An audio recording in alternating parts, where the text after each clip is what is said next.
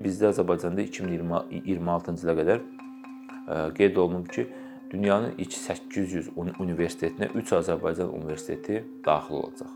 Biz bunu təbii ki 2026-cı sonunda biləcəyik, amma 2006-cı sonuna getmədən də onunla bağlı heç hesabatlar açıqlanırmı? Fəaliyyətlər nə yerdədir? Hansı işlər görülür? Nədir? Bununla bağlı ictimaiyyət məlumatsızdır.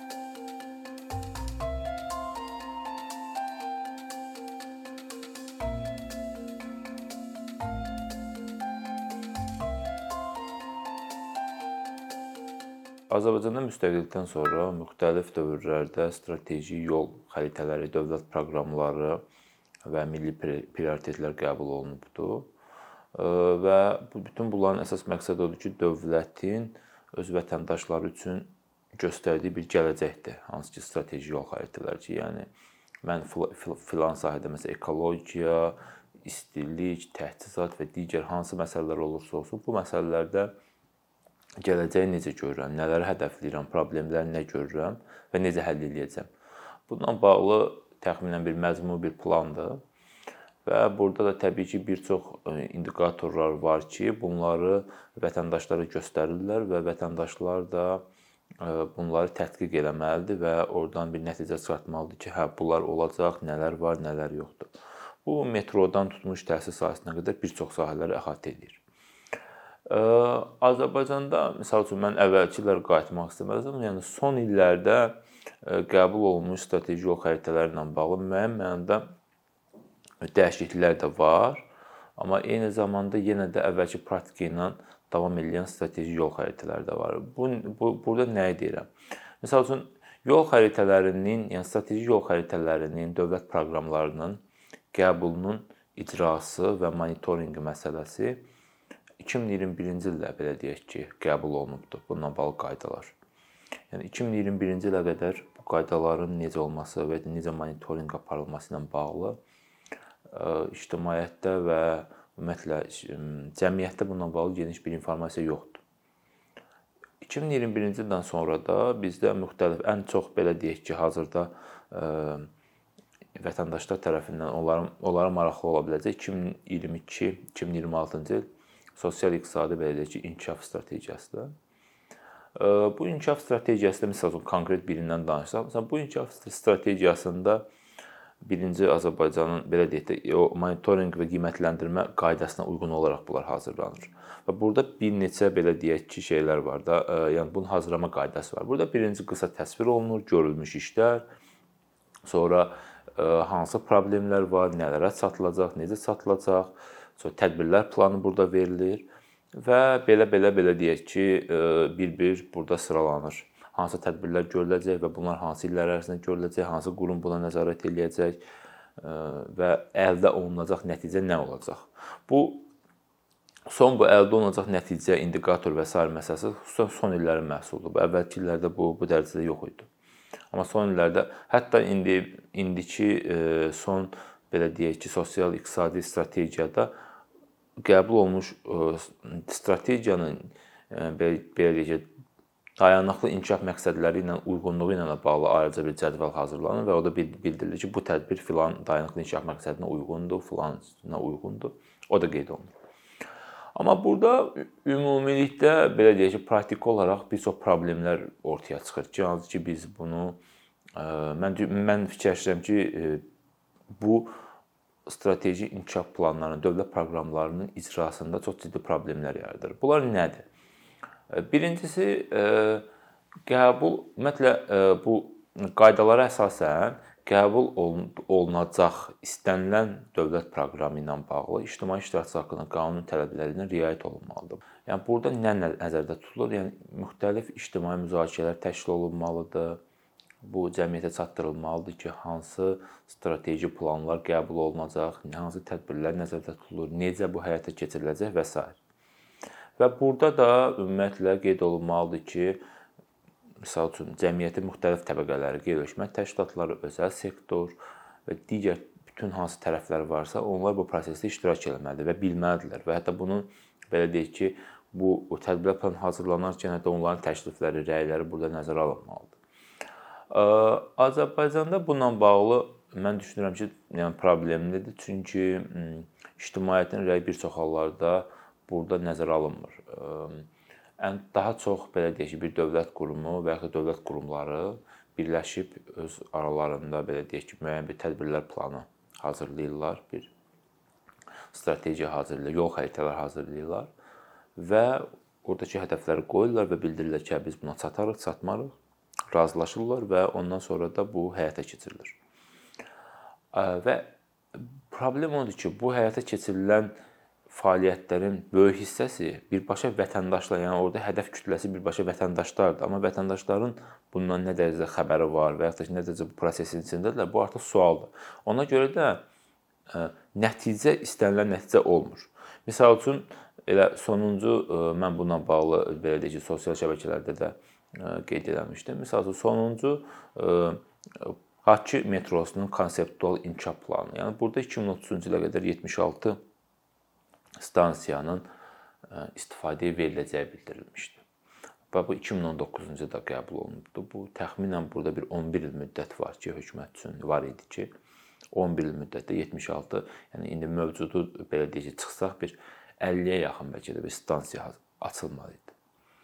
Amma indi biz nəyi görürük? Biz bu bunların icra vəziyyəti ilə bağlı məlumatsızıq. Amma biz indi görürük ki, 2040 Bakı şəhərinin baş planında artıq bu say düşübdür. Yəni 50-lərə, 40-lara düşübdür artıq bu say. Yəni 76 hədəf artıq yoxdur 2040-a qədər.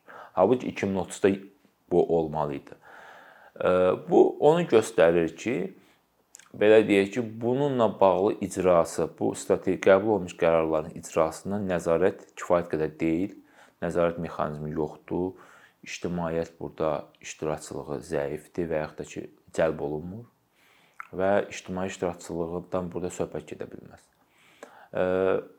Məsəl üçün deyirəm, bizdə orada qanunda qeyd olunub ki, daha doğrusu qaydalarda ildə 2 dəfə strateji yol xəritələrinin icrası ilə bağlı prezidentə müvafiq dövlət qurumları məlumat verməlidir.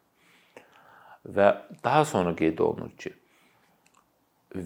bu məlumatlar prezidentə verildikdən 1 ay sonra bu artıq əlaqədar dövlət qurumları tərəfindən həmin hesabatlar ictimaiyyətə açıqlanmalıdır. Amma ictimaiyyətə bunlar bir çox hallarda açıqlanmır. Açıqlandıqda da çox qıt belə deyək informasiyalar verilir. Yəni biz biz ondan nəticə çıxarda bilmirik ki, bunun vəziyyəti nə yerdədir, nələr görülübdür. Bu strateji inkişaf e, xəritələrinin, dövlət proqramlarının, yəni ümumiyyətlə yol xəritələrinin hamısında spesifik bir xüsusiyyətdir. Məsəl üçün belə deyək də, Bunu əvvəldən artıq biz müəyyənləşdirə bilirik. Məsələn, mən açıram 2022-2026-cı il e, sosial iqtisadi inkişaf bələdiyyə strategiyasını oxuyuram və orada giriş var, məlumatlar verir, daha sonra belə deyək ki, görülmüş işlərlə bağlı verir. Amma çox təəssüf ki, problemlər hissəsi işlənilmir. Yəni məsəl üçün tədbirlər planı qoyulub ki, filan bir iş eləyək, filan bir fəaliyyət olunacaqdır. Amma o hissənin problem hissəsi işlənilmir. Sanki e, problemləri yazmaqdan müəyyən mənada bir e, həvəssizlik var. Yəni problemləri ora konkret qeyd etməyə. Problemlər orada necə qeyd olunur? Hə, daha inkişaf etdirmək lazımdır, genişləndirmək lazımdır. Ümumiyyətlə mənfi təsirləri aradan qaldırmaq lazımdır. Yəni çox ümumi sözlərlə. Yəni o fəaliyyətlərin məsəl üçün tutalım ki, sahibkarlıq inkişafı ilə bağlı hansısa bir qanun qəbul olunacaqdır. Yəni əvvəlki vəziyyət orada qeyd olunmur ki, konkret nədir vəziyyət, necədir? Sadəcə ya faizlərlə konkret bir ədəd kimi qeyd olunur və yaxud da ümumi qeyd olunur ki, məsələn, təbii inhisarçılığı aradan qaldırmaq üçün, təsirlərini azaltmaq üçün. Amma təbii inhisarçılıq nə vəziyyətdədir, necədir, vəziyyəti nədir? Onunla bağlı bir məlumat biz bilmirik. Məsələn, daha maraqlı bir şey deyim ki, bizdə Azərbaycanda 2026-cı ilə qədər qeyd olunub ki, dünyanın ilk 800 universitetinə 3 Azərbaycan universiteti daxil olacaq. Hazırda sıfırda 3 Azərbaycan universiteti. Yəni 2000 indi biz bunu təbii ki 2026-cı ilin sonunda biləcəyik, amma 2006-cı ilin sonuna getmədən də məsələn onunla bağlı heç hesabatlar açıqlanırmı? Fəaliyyətlər nə yerdədir? Hansı işlər görülür? Nədir? Bununla bağlı ictimaiyyət məlumatsızdır. Yəni bu universitetlər necə eləyəcəklər ki, 2026-cı il çox da uzaq bir vaxt deyil. 3 universitet bura daxil olacaq. Və yaxud da ki, Azərbaycanın PISA-dakı belə beynəlxalq o şagirdlərin qiymətləndirmə belə platformasındakı belə qiymətləndirmə skorunu, yəni ki, ballarının səhv eləmirəmsə 422-yə çıxarılması hədəflənir.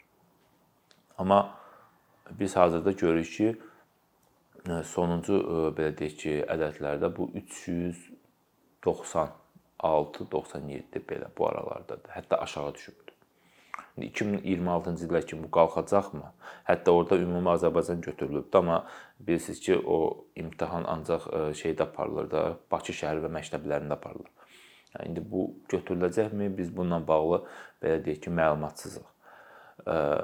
Bir çox hallarda belə deyək ki, bu strateji yol xəritələrində əsas monitorinq və icrasına nəzarət qurumu olaraq İqtisadi İslahatların Təhlili və Kommunikasiya Mərkəzi göstərilir. Hansı ki, bu qurumun əsas işi odur ki, məşğulluq, digər bütün ümumiyyətlə bütün sahələrdə qəbul olunmuş, bir çox sahələrdə qəbul olunmuş strateji yol xəritələrinin, dövlət proqramlarının monitorinqinə nəzarət etsin. Amma həmin qurumun özü də çox təəssüf ki, yəni çox nadirən hansısa bir məlumat paylaşır. Biz ümumiyyətlə bununla bağlı hətta verilmiş sorğulara belə cavablandırılmır və nəticədə də biz o inkişafı və yaxud da ki, hansı işlər görülməlidir, görə bilmirik. Deməli, qəbul olunmuş deməli yol xəritələrində, dövlət proqramlarında, məsələn, mən burada ümumi belə sözlərlə ifadə mən həm də burada nə belə deyək ki, vurğulayıram. Məsələn, illər. Məsələn, qeyd olunur ki, 2000 məsəl üçün qeyd olunur ki, filan qanun qəbul olunacaq və ya da filan fəaliyyət həyata keçiriləcək. Qeyd olunur ki, 2022-2026. Yəni çox geniş belə deyək ki, bir e, səlahiyyət və vaxt verir həmin dövlət qarşısındakı dövlət qurumuna. Yəni bunu 2023-də də, sayılır 24-də də, 25-də də. Düzdür, bəzilərində aralıqlar var, e, təbii ki, 2022, 2023 və s. Amma bir çoxunda vaxt geniş götürülür. Və bu da bizim onu ölçməyimizə mane olan faktorlardan biridir. Biz hər dəfə sorğulayanda qeyd olunur ki, hələ 2026-ya qədər vaxt var və bilmirəm ki, nə işlər görüldü, necə görüldü və yaxud da ki, hansı addımlar atılır. Ancaq mətbuatda gedən xırda xəbərlərlə biz hansısa işçi qrupunun toplanmasını və ya da toplanmamasını və ya da orada hansısa qərarların qəbul olunmasını biz orada görə bilirik. Və ümumiyyətlə bu e, strateji yol xəritələrində həm də belə bir nüans var ki, orada monitorinq və qiymətləndirmədə əslində qaydalarda bir çox şeylər qeyd olunubdur. Məsəl üçün tədbirlər planı ilə bağlı və ya görülmüş işlərlə bağlı zəif və güclü tərəflərin zəif və güclü tərəflərin analiz olunması, orada bunun uyğunluğu, adekvatlığı, effektivliyi və digər bütün meyarlar, hətta effektivliyi ilə bağlı da çox riyazi hesablamalar da qoyulub ki, onlar necə hesablanmalıdır bir dövlət proqramının effektiv olub-olmaması və s. Amma Bütün bunlar var. Amma siz açıb bir hansısa bir strateji yol yol xəritəsini oxusanız, orada və yaxud da ki bir dövlət proqramının, orada çox nadirən hansısa bir tənqidi bir hissə görə bilərsiniz. Yəni adətən görülmüş işlər və onların tərifi üzərindən gedir. Və daha sonra da qeyd olunur ki, hə bu fəaliyyətlər həyata keçiriləcək, amma tam olaraq o bildirilmir ki, bunun niyə həyata keçirilməsi, hansı faydalar, konkret faydalar əldə olunacağı ilə bağlı məlumatlar geniş deyil. Bir də bunu vurğulamaq istəyirəm ki, risklər məsələsi dövlət proqramlarında ümumiyyətlə çox önəmli bir yer tutur mən fikirləşirəm ki, çünki hansısa bir fəaliyyətdə ortaya çıxacaq risklər və onların belə deyək ki, onların necə onlarla mübarizə aparılacaq və risklər necə azaldılacaq, bununla bağlı bir plan olmalıdır. Bu qaydalarda qeyd olunubdur. Qayda Nazirə Kanunu bu qaydalarda qeyd olunub ki, risklər nəzərə alınmalıdır, hesablanmalıdır. Amma heç bir belə deyək ki, strateji yol xəritəsi dövlət proqramında biz risklərlə bağlı konkret müddəalar görmürük. Və bunun özü də düşünürəm ki, proqramın effektiv icrasına mane olan faktordur. Yəni biz ictimaiyyət, media, vətəndaş cəmiyyəti, qeyri-hökumət təşkilatları bu prosesdə olmadıqca və bu prosesin bir tərəfi olmadıqca mən hesab edirəm ki, qəbul olunmuş strateji yol xəritələrindən də güclü nəticələr gözləmək olmaz. Çünki burada bir tərəf var, dövlət qurumları bu işi icra edirlər. Amma bir burada bir ictimaiyyət də, bir ictimai nəzarət də burada mütləq olmalıdır.